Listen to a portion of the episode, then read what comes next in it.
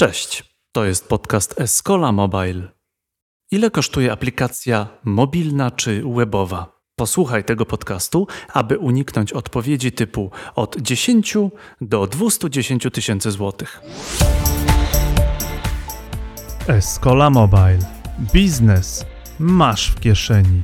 Odpowiednia informacja i umiejętność słuchania to jest klucz do dobrej wyceny aplikacji. Wiedzą dzieli się Ilona Leoniewska, CRO Escola SA. Ilona jest praktykiem sprzedaży w branży informatycznej. Przeprowadziła wiele projektów, setki rozmów z klientami i po prostu wie, jak budować dokumenty, aby potem uniknąć niedomówień i niepotrzebnego zwiększenia kosztów aplikacji. W podcaście usłyszysz rady gotowe do wdrożenia już w czasie następnej rozmowy o kosztach realizacji projektu IT. Jak się tworzy BRD, FRD, TRD? Kiedy określić i dookreślać funkcjonalności aplikacji? Podaj ten podcast dalej, udostępnij go na Twitterze, LinkedInie, Facebooku, opowiedz o nim swoim znajomym.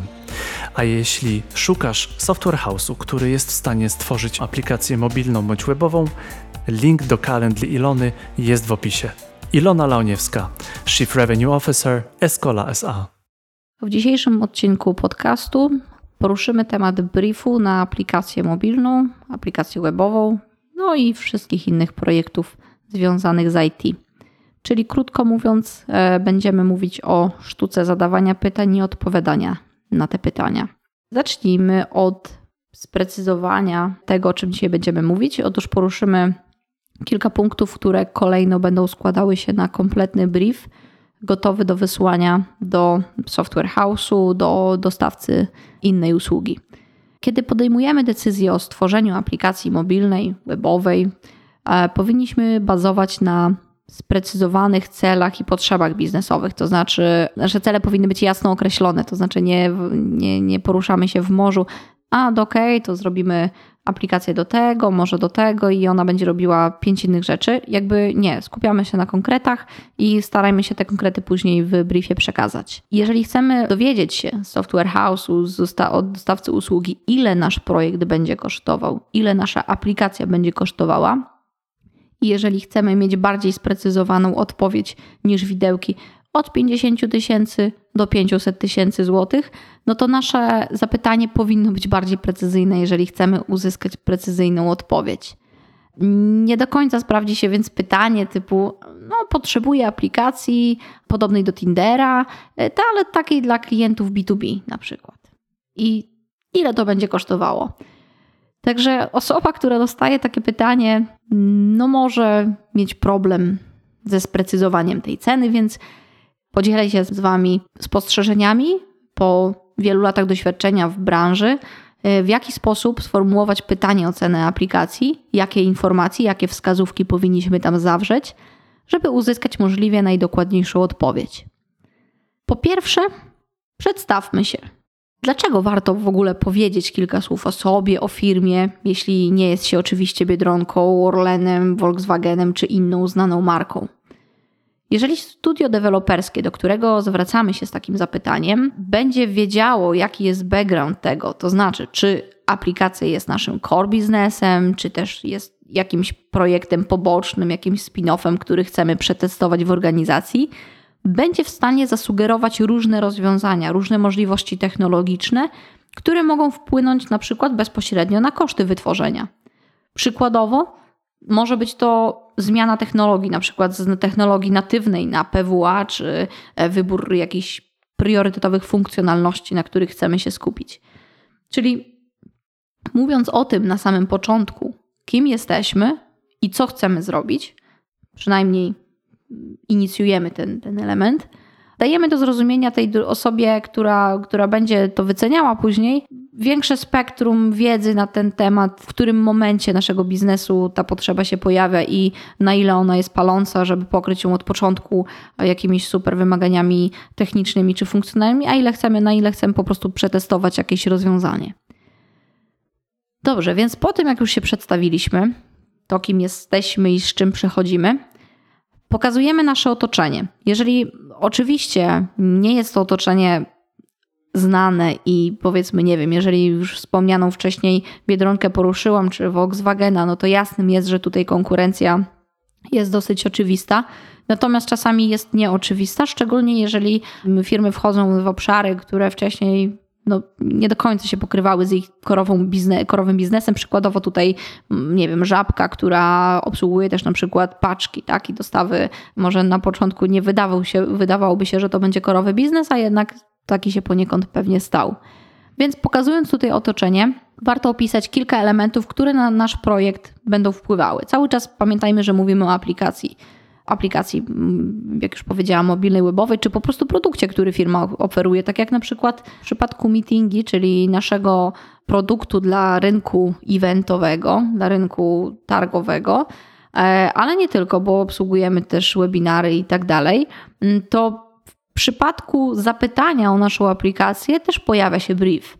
I on też powinien zawierać pewne elementy, które precyzują zapytanie, bo dostając informację, że aplikacja powinna robić to, to, to i tamto, bez kontekstu, w jakim to się, mm, nie wiem, kiedy ma się to zadziać, kim jesteśmy, czy chcemy tutaj e, kilka tych wydarzeń obsłużyć, czy tylko jedno.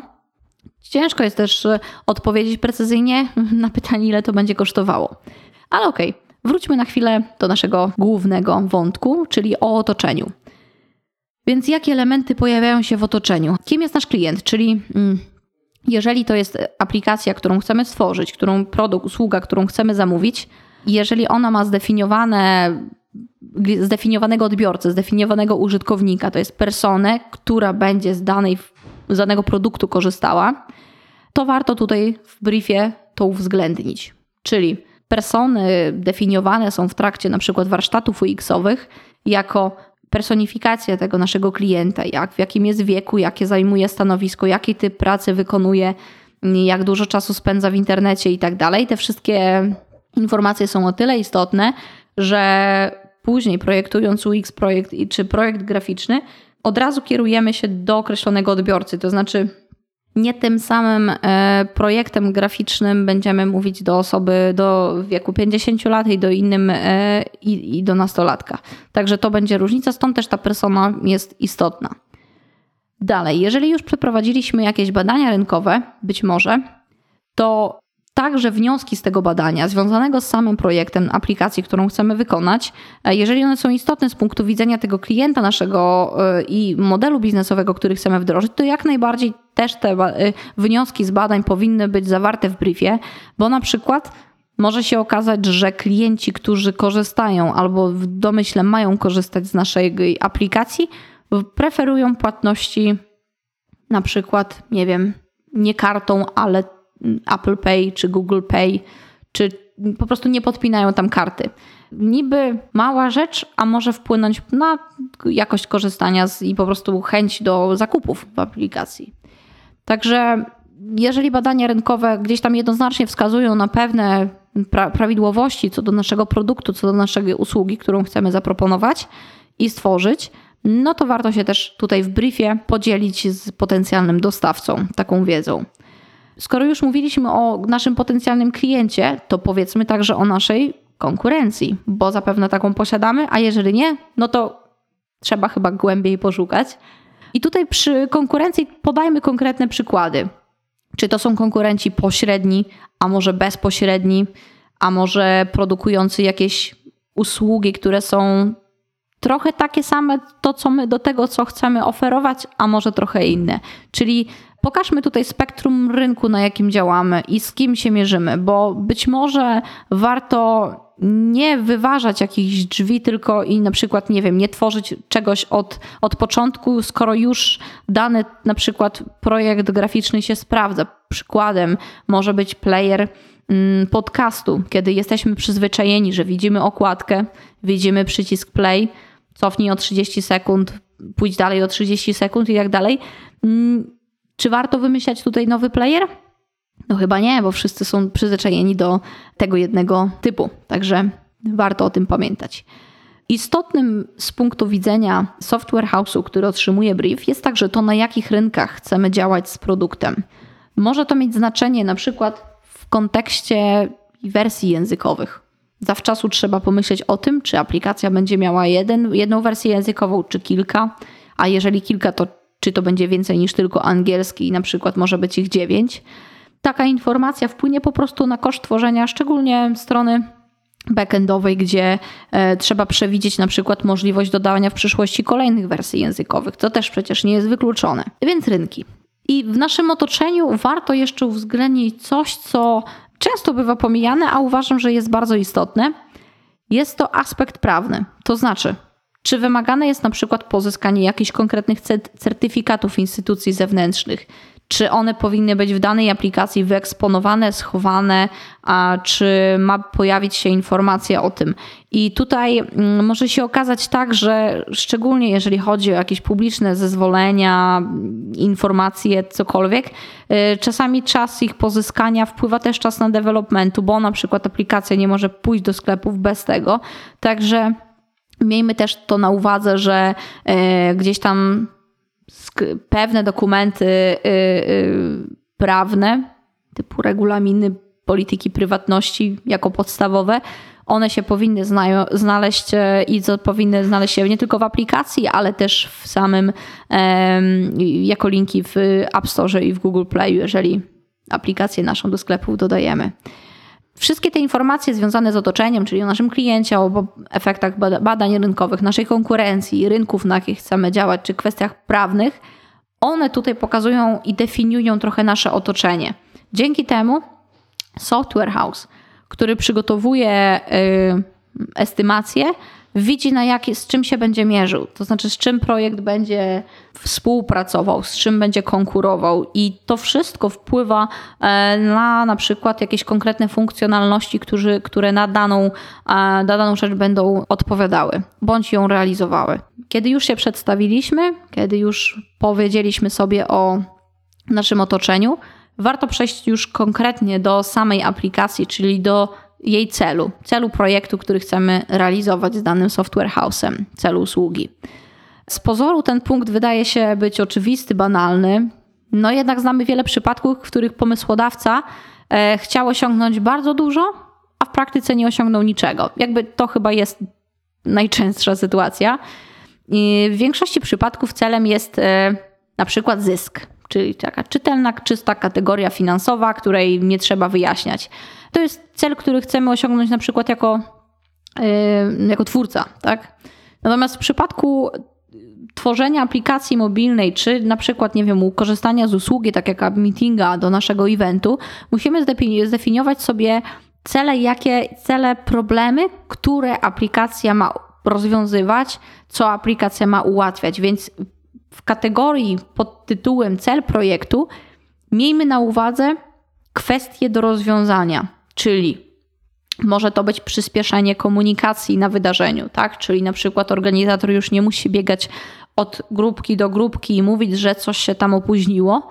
Czy na przykład, jeżeli odwołano targi, a chcemy, żeby one się odbyły przynajmniej wirtualnie, to co się powinno znaleźć w aplikacji? Czyli na przykład człowiek nie będzie musiał na przykład scrollować długich list w, na, ekranie telefo- na ekranie komputera, tylko może sobie wpisać w wyszukiwarkę coś po numerze stoiska i wyszukać konkretnego dostawcę. Także definiujemy problem do rozwiązania i definiujemy coś do ułatwienia, przyspieszenia, optymalizacji. Także tutaj w takim kontekście mówimy o celu.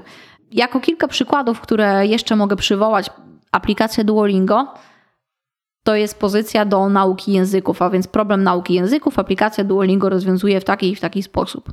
Aplikacja SofaScore pozwala na sprawdzanie wyników sportowych na żywo.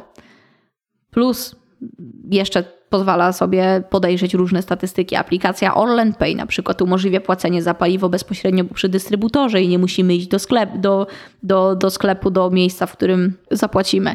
Także podporządkowanie całego projektu określonemu celowi powoduje, że Późniejsze opracowywanie user stories dla aplikacji mobilnej czy webowej, user stories, czyli historii użytkownika, które później definiują funkcjonalności, poszczególne funkcjonalności, one e, są pisane w taki sposób, aby maksymalnie skrócić drogę użytkownika od momentu zero, czyli załóżmy pobrania aplikacji, do momentu zaspokojenia swojej potrzeby. Na przykład włączam aplikację SofaScore, gdzie sprawdzam wyniki sportowe na żywo i ja już na pierwszym ekranie widzę wyniki, które, mecze, które mnie interesują. Także to jest coś, co, gdzie nie musimy szukać na przykład, nie wiem, po drużynach, po czymkolwiek. Także y, user stories, które są później tworzone, one optymalizują tę ścieżkę użytkownika od momentu pobrania do momentu zaspokojenia potrzeby.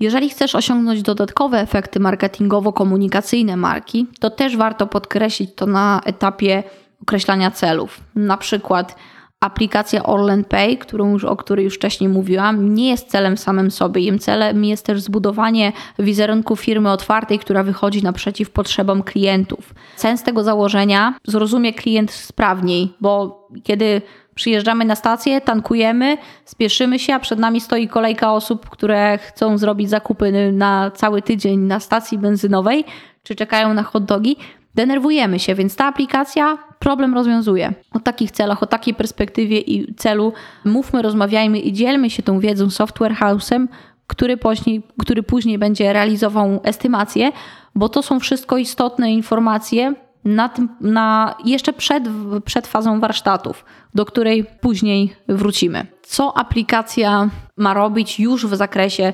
opisu właściwego naszego projektu? Zacznijmy może od czegoś, co jest istotne z punktu widzenia developmentu, gdyż musi komunikować się, gdyż tutaj software house'y muszą się komunikować z zewnętrznymi dostawcami bądź zewnętrznymi systemami, czyli o integracjach. Często jest e, tak, że na przykład system kasowy, system HR, system uczelniany, magazyn, uczelniany, magazynowy, także jest ich dużo i jeżeli aplikacja musi zawierać jakieś informacje, które są pobierane z danego systemu, który już istnieje, to taka informacja musi znaleźć się w briefie ponieważ często jest to dosyć istotna pozycja kosztowa całej inwestycji i jeżeli nie są zdefiniowane zakresy, w jakich to się odbywa, to znaczy, jeżeli mamy system magazynowy, to czym innym jest wyświetlenie informacji, jest bądź nie jest dostępny dany produkt, a czym innym jest wyświetlenie informacji nie tylko czy jest, czy nie jest y, w danym momencie w magazynie, ale także jego inne atrybuty, typu nie wiem, jest na przykład uszkodzony, czy jest na przykład gotowy do wysyłki zaraz, czy już został wysłany. Także ta informacja informacji nie jest równa i przy okazji integracji ważne jest, żeby opisywać nie tylko, że tak będzie się integrował z tym i z tym systemem, ale także informacje w jakim zakresie, plus wartością dodaną będzie opisanie, czy jest na przykład dostępne API. Czy i na przykład jest już opisane i możemy je pobrać, sobie poczytać, także to jest dodatkowa wartość, jeżeli takie API też od razu prześlemy. Ważną jeszcze informacją przy integracjach jest to, jak często chcemy aktualizować te dane. Czy to jest raz na dzień, raz na minutę. Warto myśleć o tym już na po samym początku i taką wiedzą też się dzielić z software house'em, do którego kierujemy swoje zapytanie. Taka sama sytuacja może się też zdarzyć nie tylko w mm, przypadku aplikacji, które już istnieją, które chcemy stworzyć od zera, ale także od aplikacji, które istnieją już na rynku, tak na, jak na przykład znowu przywołam Meetingę, gdzie pomimo tego, że to jest aplikacja już gotowa i dostępna do konfiguracji, to często klienci pytają, czy jest możliwa integracja z bazami użytkowników, czy te bazy można scalić. Także to jest wiedza, którą już musimy wiedzieć na samym, e, którą musimy znać na samym początku przed wyceną, bo inaczej możemy powiedzieć, że to kosztuje od 10 do 100 tysięcy złotych, bo nie wiadomo ile na to będzie potrzeba roboczo godzin, po prostu. Także bądźmy, bądźmy precyzyjni także w tym aspekcie. I przechodzimy do serca tego, co zazwyczaj software house'y dostają jako brief, czyli zakres funkcjonalny. Wiele zapytań właśnie przychodzi od razu do tego punktu i do listy funkcjonalności. E, na początek warto wiedzieć właśnie z jakich elementów się składa aplikacja mobilna tak ogólnie. A mobilna webowa to już jakby nie ma znaczenia. Niemniej zawsze mniej jest to ten skład. Czyli CMS, API to jest pierwszy, pierwsza, pierwsza rzecz, czyli powiedzmy generalnie nazwijmy to backendem. Dalej jest część frontendowa, może to być mm, aplikacja cross-platformowa typu React Native czy Flutter. Mo, Flutter może być to aplikacja natywna na iOS, na Androida, a może być to po prostu PWA czy, czy, czy strona webowa w przeglądarce. Kolejnym elementem takiej aplikacji jest też projekt UX i projekt graficzny, czyli to, co widzimy. No i jest także specyfikacja funkcjonalno-techniczna projektu, która fajnie, jeżeli jest, bo wtedy to gdzieś tam definiuje y, sam projekt, jak działa, jak działają bazy danych i tak dalej, gdzie przy zakończeniu na przykład współpracy z jednym software house'em dosyć płynnie można przejść do innego. Więc warto taki punkt uwzględnić, jeżeli pod, poważnie podchodzimy do sprawy, ale nic się też nie stanie, jeżeli zostanie pominięty. Dalej. Mm, trzeba e, też założyć, że sam, sam development to nie tylko. Musi być też przeznaczony czas na testowanie oraz zarządzanie projektem. E, więc zazwyczaj oba te elementy, i testowanie, i zarządzanie projektem, zajmują od 10 do 30% całości. Oczywiście wszystko zależy od projektu, natomiast i od celu, który tam chcemy osiągnąć. Niemniej mniej więcej tak to się rozkłada. Oczywiście, jeżeli zarządzanie projektem idzie sprawnie, sprawnie idzie komunikacja z klientem, no to będzie miało to decydujący czas na, wpływ na wdrożenie aplikacji. Jeżeli od razu jako e, potencjalny klient wskażemy w briefie, że y, tych interesariuszy u nas w firmie jest dużo i że czas decyzji może być duży. Tutaj też jest to informacja dla software house'u, że ok, tutaj musimy więcej czasu poświęcić na project management, więcej czasu na komunikację, bo tego wymaga klient. Także wbrew pozorom to też jest istotna informacja. Czasami może się tak zdarzyć, że jeżeli w firmach e, mm, otrzymujemy jako pracownicy polecenie na zebranie informacji, wycen software house'ów różnych, czy software house'ów, czy po prostu firm, e, które oferują określone produkty, e, typu na przykład jesteśmy agencją eventową i chcemy się dowiedzieć o aplikacji do eventu, no to tutaj wysyłamy zazwyczaj listę funkcjonalną i ok, dowiadujemy się wycen, no, które się zaczynają odtąd do dotąd. No i fajnie jest, jeżeli załączymy maksymalnie dużo informacji, a idealnym jest, jeżeli zdecydujecie się już teraz, że e, projekt graficzny robicie wy i jeżeli może już go nawet macie, wysyłajcie to. To znaczy, dzielcie się tym, co już zostało wykonane po waszej stronie. Może to być sam UX, może to być już gotowy projekt graficzny. Jeżeli to jest, ujmij mi to w briefie, bo to bardzo jakby już unacznia mm, osobie, która wycenia, co jest rzeczywiście do zrobienia. Jeżeli piszemy o, o wymaganiach funkcjonalnych, piszmy swoje oczekiwania. Czy chcemy na przykład otrzymać od studia deweloperskiego całość dokumentacji, to znaczy od wymagań biznesowych przez wymagania funkcjonalne po wymagania techniczne, to mówmy o tym na samym początku też, bo to jest y, istotne z punktu widzenia też warsztatu. Większość e, firm, które tworzy oprogramowanie, podobnie zresztą jak my w Escola, wychodzimy z, na samym początku z warsztatami. O warsztatach można przeczytać u nas na blogu blog.escola.pl i tam jest napisane, tam między innymi jest wpis o tym, co dają warsztaty przed, przed projektami e, i jakie informacje później uzyskujemy. Poruszę tylko te trzy elementy, które się zazwyczaj pojawiają w części warsztatowej. Tworzy się tak zwane Business Requirement Document, Functional Requirement Document i Technical Requirement Document. Co to są za trzy e, skróty? To jakby one sprowadzają projekt nasz do tego, że w trakcie naszego spotkania warsztatowego i po nim powstają dokumenty, które zawierają wymagania biznesowe, określone cele i funkcjonalności, czyli ten FRD. I w TRD mówimy o wymaganiach technicznych, czyli o architekturze, o potencjalnych integracjach i oczywiście w ramach funkcjonalnych, wymagań funkcjonalnych powstają też user stories, które definiują ścieżki użytkownika i wymagania te, które ma aplikacja spełniać w kierunku e, użytkownika właśnie.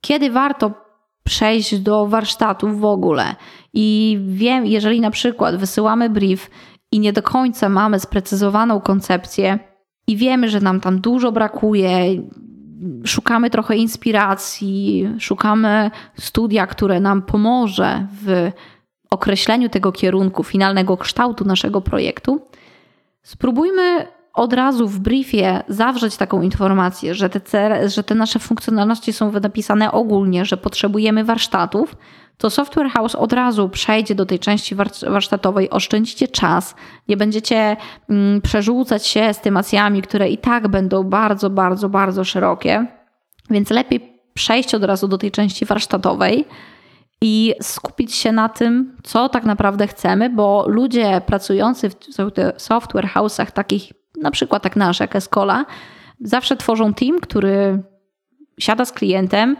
w każdy w swojej dziedzinie wypytuje, sprawdza, sugeruje pewne rozwiązania, które są rozwiązaniami y, już przygotowanymi przez nas na bazie naszych doświadczeń i tak dalej. I tak wspólnie omówiony projekt nabiera trochę innych odcieni. Może się okazać, że po tym, jak już klient, ty jako klient, ty jako zamawiający dostaniesz taki opis dokumentacji powarsztatowej, w której trochę inaczej niż tak sobie wyobrażałeś, że to będzie, okaże się, może się okazać, że to, co, to, co powstało na, na bazie warsztatów, jest czymś w punkt. Dokładnie czymś, co realizuje Twoje cele, Twoje potrzeby, Twoje wymagania biznesowe. Także zachęcam gorąco do tego, jeżeli nie, nie jest jasno sprecyzowany ten zakres funkcjonalny naszej aplikacji, przejdźmy do współpracy z dostawcą w taki sposób bardziej otwarty. Powiedzmy to na samym początku, nie żądajmy informacji o wycenie dla czegoś, co nie jest jeszcze do końca zdefiniowane, bo po prostu dostaniemy ogólną odpowiedź, która no jeżeli już mamy sprecyzowaną tą naszą funkcjonalność mniej więcej, spójrzmy na to z perspektywy listy, czyli część wskazanych funkcjonalności powoduje powstanie kilku dodatkowych niezbędnych ekranów, o których my jako zamawiający nie zawsze możemy sobie wyobrazić, że to wywołuje gdzieś tam lawinę różnych e, pozycji. Mm, na przykład aplikacja ma umożliwiać wystawianie faktur i przesyłanie ich kontrahentom. Tutaj w przypadku samej funkcjonalności wystawienia dokumentu trzeba pamiętać, że będzie potrzebne dodatkowo oczywiście rejestracja, logowanie użytkownika, który chce wystawić faktury, który mają otrzymać. Jeśli mamy opcję rejestracji logowania, to musi być też oczywiście mój profil, który można edytować swoje dane, dane do faktury i tak dalej. Może być tam wpisanie danych firmy z ręki, bądź pobranie ich ze strony nie wiem, GUS-u na przykład. Może być dodanie własnego logo do dokumentu, ewentualnie historia tych faktur, które wystawiliśmy. Co się dzieje po stronie CMS-a, jak można edytować użytkowników, jak można nimi zarządzać. Za pomocą aplikacji też mogą użytkownicy zapraszać innych użytkowników. Po obustronnej aplikacji mogą na przykład ze sobą czatować. Także jedna mała funkcjonalność pociągająca za sobą konsekwencje w postaci kolejnych, kolejnych, kolejnych. I wbrew pozorom, y, tak się dzieje praktycznie przy każdym elemencie. Dlatego y, na przykład my w Escola zawsze rozbijamy każdą, każdy moduł na kilka, kilka mniejszych elementów, także w Excelu powstająca estymacja uwzględnia te funkcjonalności w dosyć szeroki, szeroki sposób, jednocześnie definiując w komentarzu, co założyliśmy, że się tam znajdzie. Takie podejście pozwala na precyzyjniejszą info, informację z naszej strony, jednocześnie też z punktu widzenia mm, zamawiającego, ciebie jako klienta, dostajesz bardziej y, rzeczową odpowiedź, jednocześnie z przygotowanymi założeniami, o których być może też ty nie pomyślałeś, a jeszcze nie przeszliśmy do warsztatów, więc coś sobie tam założyliśmy po obu stronach i na tym będziemy bazować. Także mamy trochę tutaj, e, jeżeli chodzi o listę wymagań funkcjonalnych, do zrobienia. Y, istotnym bardzo istotną bardzo informacją jest to, które z danych funkcjonalności jest priorytetowa, z którą możemy sobie zacząć robić trochę później. Jest taki framework, który być może jest dla Was już dobrze znany, jest on dobrze znany. E, nazywa się Moscow, czyli must have, should have, could have i won't have, czyli jakby cztery elementy, cztery pozycje, które definiują priorytety danych Y, funkcjonalności. Y, jeżeli już mamy sobie taką listę przygotowaną wcześniej z zespołem w firmie i wiemy, że nasza aplikacja ma robić pięć rzeczy, pięć funkcjonalności powinna posiadać, to zróbmy tak, że wypuśćmy najpierw aplikację z dwiema głównymi funkcjonalnościami, a te, które są poboczne, zostawmy je na troszkę później. przetestujemy, nabierzemy doświadczenia, jeżeli chodzi o naszego użytkownika. I dlatego ten framework to jest też takie dobre ćwiczenie dla nas, jako dla e, zamawiającego, dla klienta, gdzie już na samym początku myślimy o rozwoju naszej aplikacji w kontekście priorytetyzacji wybranych funkcjonalności i jednocześnie o tym myślimy o naszym użytkowniku, co jeżeli on dostanie tylko te dwie, a nie pięć funkcjonalności, które założyliśmy sobie wcześniej, czy zrealizuje swoją potrzebę od początku do końca, czy nie. Także e, jeżeli sobie przepracujemy to już na samym początku, to Software House będzie też widział, dla niego to jest informacja na e, co jest takie rzeczywiście ważne w tym projekcie, na czym powinniśmy się skupić głównie, a co możemy potraktować powiedzmy trochę później, bądź e, na czym się powinniśmy skupić w innym po prostu momencie, nie na samym początku. No skoro mówimy oczywiście o briefie i zapytaniu związanym z aplikacją, czyli chcemy uzyskać odpowiedź, krótko mówiąc, na pytanie, ile kosztuje aplikacja, którą sobie wymyśliłem, wymyśliłam, no to powinna się pojawić też pozycja pod tytułem budżety i harmonogramy. Jeżeli chodzi o harmonogram, bo od niego może zacznijmy, jest to jedna z rzeczy kluczowych i też jeżeli my w Escola dostajemy jakieś zapytanie e, związane z tworzeniem jakiegoś aplika aplikacji, czy, czy nawet na zapytanie związane z meetinga, to tutaj od razu jednym z pierwszych pytań, które zadajemy jest czas, czyli czy istnieje jakaś data, którą, na którą aplikacja powinna być gotowa. W przypadku eventów jest to o tyle kluczowe wręcz, że nie można tego przełożyć. Więc bardzo istotna informacja, która dosyć wbrew pozorom często jest pomijana.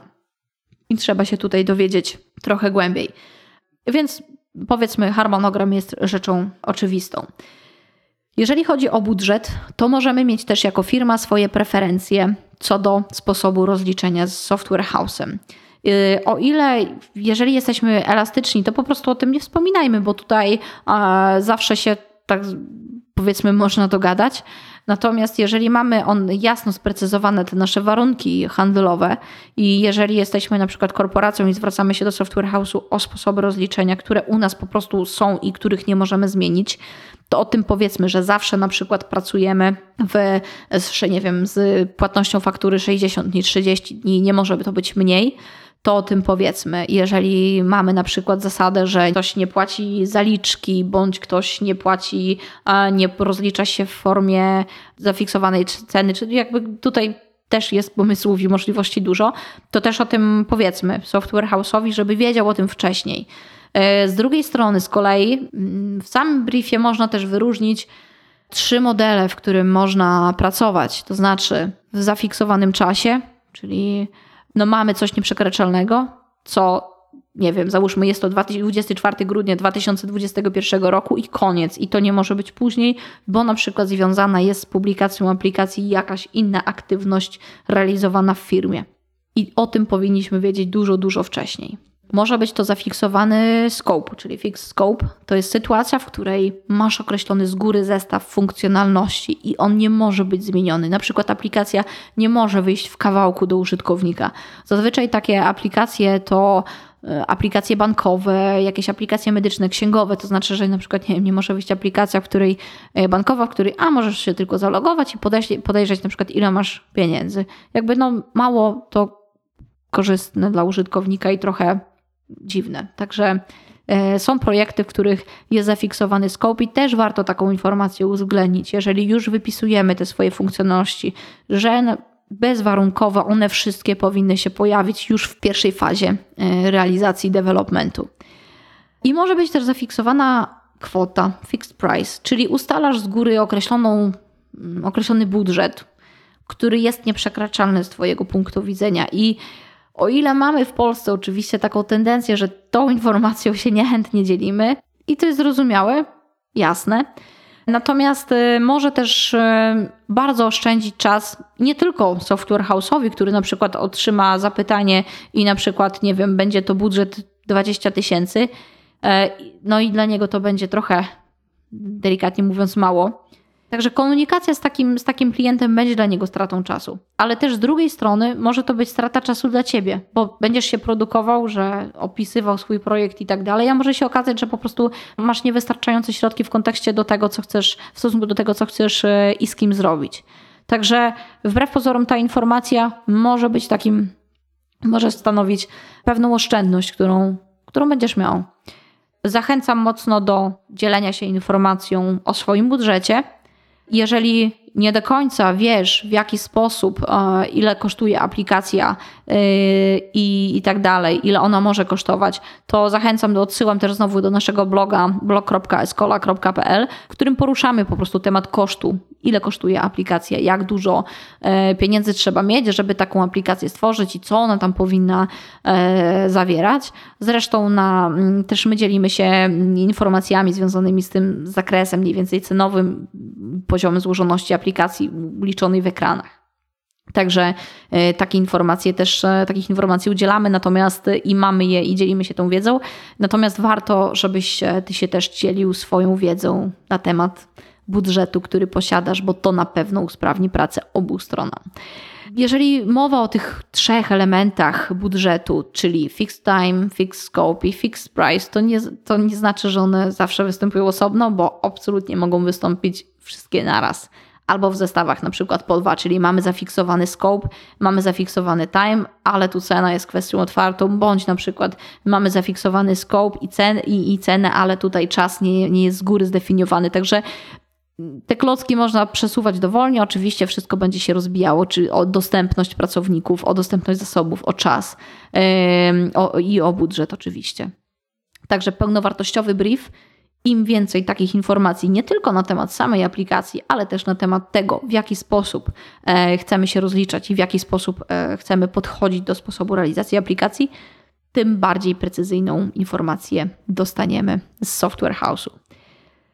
Podsumowując, jakie elementy powinien zawierać pełnowartościowy brief, żebyśmy się dowiedzieli precyzyjnie, ile będzie dokładnie kosztował nasz projekt, czyli nie będą to widełki, jak już wcześniej wspomniałam, 50 tysięcy do 500 tysięcy. Warto zadbać o to, żeby te wszystkie elementy, o których tutaj wspomniałam, e, się w nim pojawiły. Czyli od przedstawienia się, po pokazanie swojego otoczenia, konkurencji, klientów, przez zestaw e, funkcjonalności, przez zestaw celów, przez zestaw integracji, które aplikacja powinna, powinna mieć po wskazania e, harmonogramu, jakichś tam widełek czasowych, budżetowych, które my mamy, określenia warunków handlowych, które są u nas niezmienne. Wszystkie te informacje pozwolą software house'owi, dostawcy usługi, jak najbardziej precyzyjnie odpowiedzieć na Twoje pytanie. Bo jeżeli my się podzielimy z kompą wiedzą, to równie mało wartościową odpowiedź otrzymamy.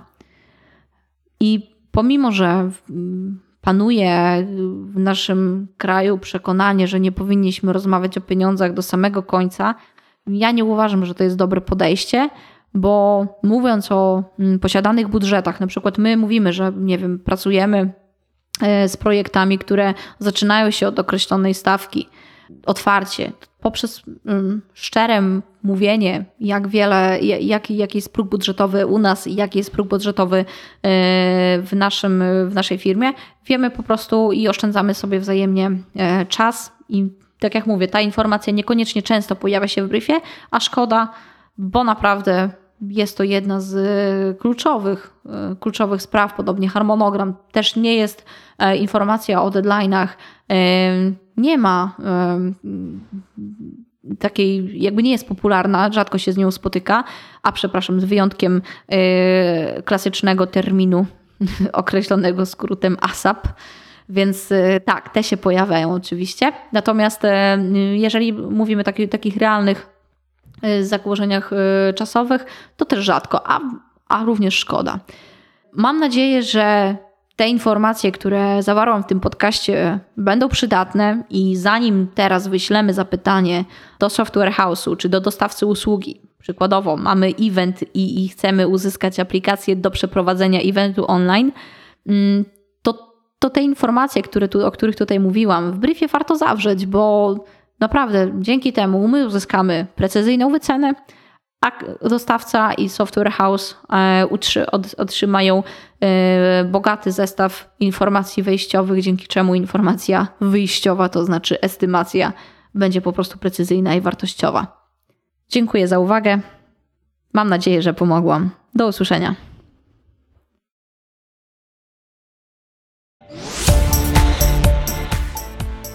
Escola Mobile. Biznes. Dziękujemy za Twój czas i za to, że kieszeni. spędziłeś go z nami. Jeśli ten podcast przyniósł Ci jakąś wartość, udostępnij go na LinkedInie, Twitterze, Facebooku, opowiedz o nim swoim znajomym. A może szukasz software house'u, który stworzy dla Ciebie aplikację mobilną bądź webową? Link do Calendly Ilony jest w opisie. Kliknij w niego, wybierz odpowiedni dzień i godzinę, wtedy Ilona się z Tobą skontaktuje, będziecie mogli zacząć współpracę. Jeśli używasz ekosystemu Apple, będzie nam niezwykle miło, jeśli dasz nam 5 gwiazdek i fajną recenzję. Im więcej takich recenzji, tym bardziej kocha nas algorytm i tym częściej poleca nas innym, właśnie dzięki Twojej wypowiedzi. To był 80. odcinek podcastu Escola Mobile. Ilona Leoniewska opowiedziała, jak wyliczyć koszt aplikacji mobilnej i webowej. Do usłyszenia.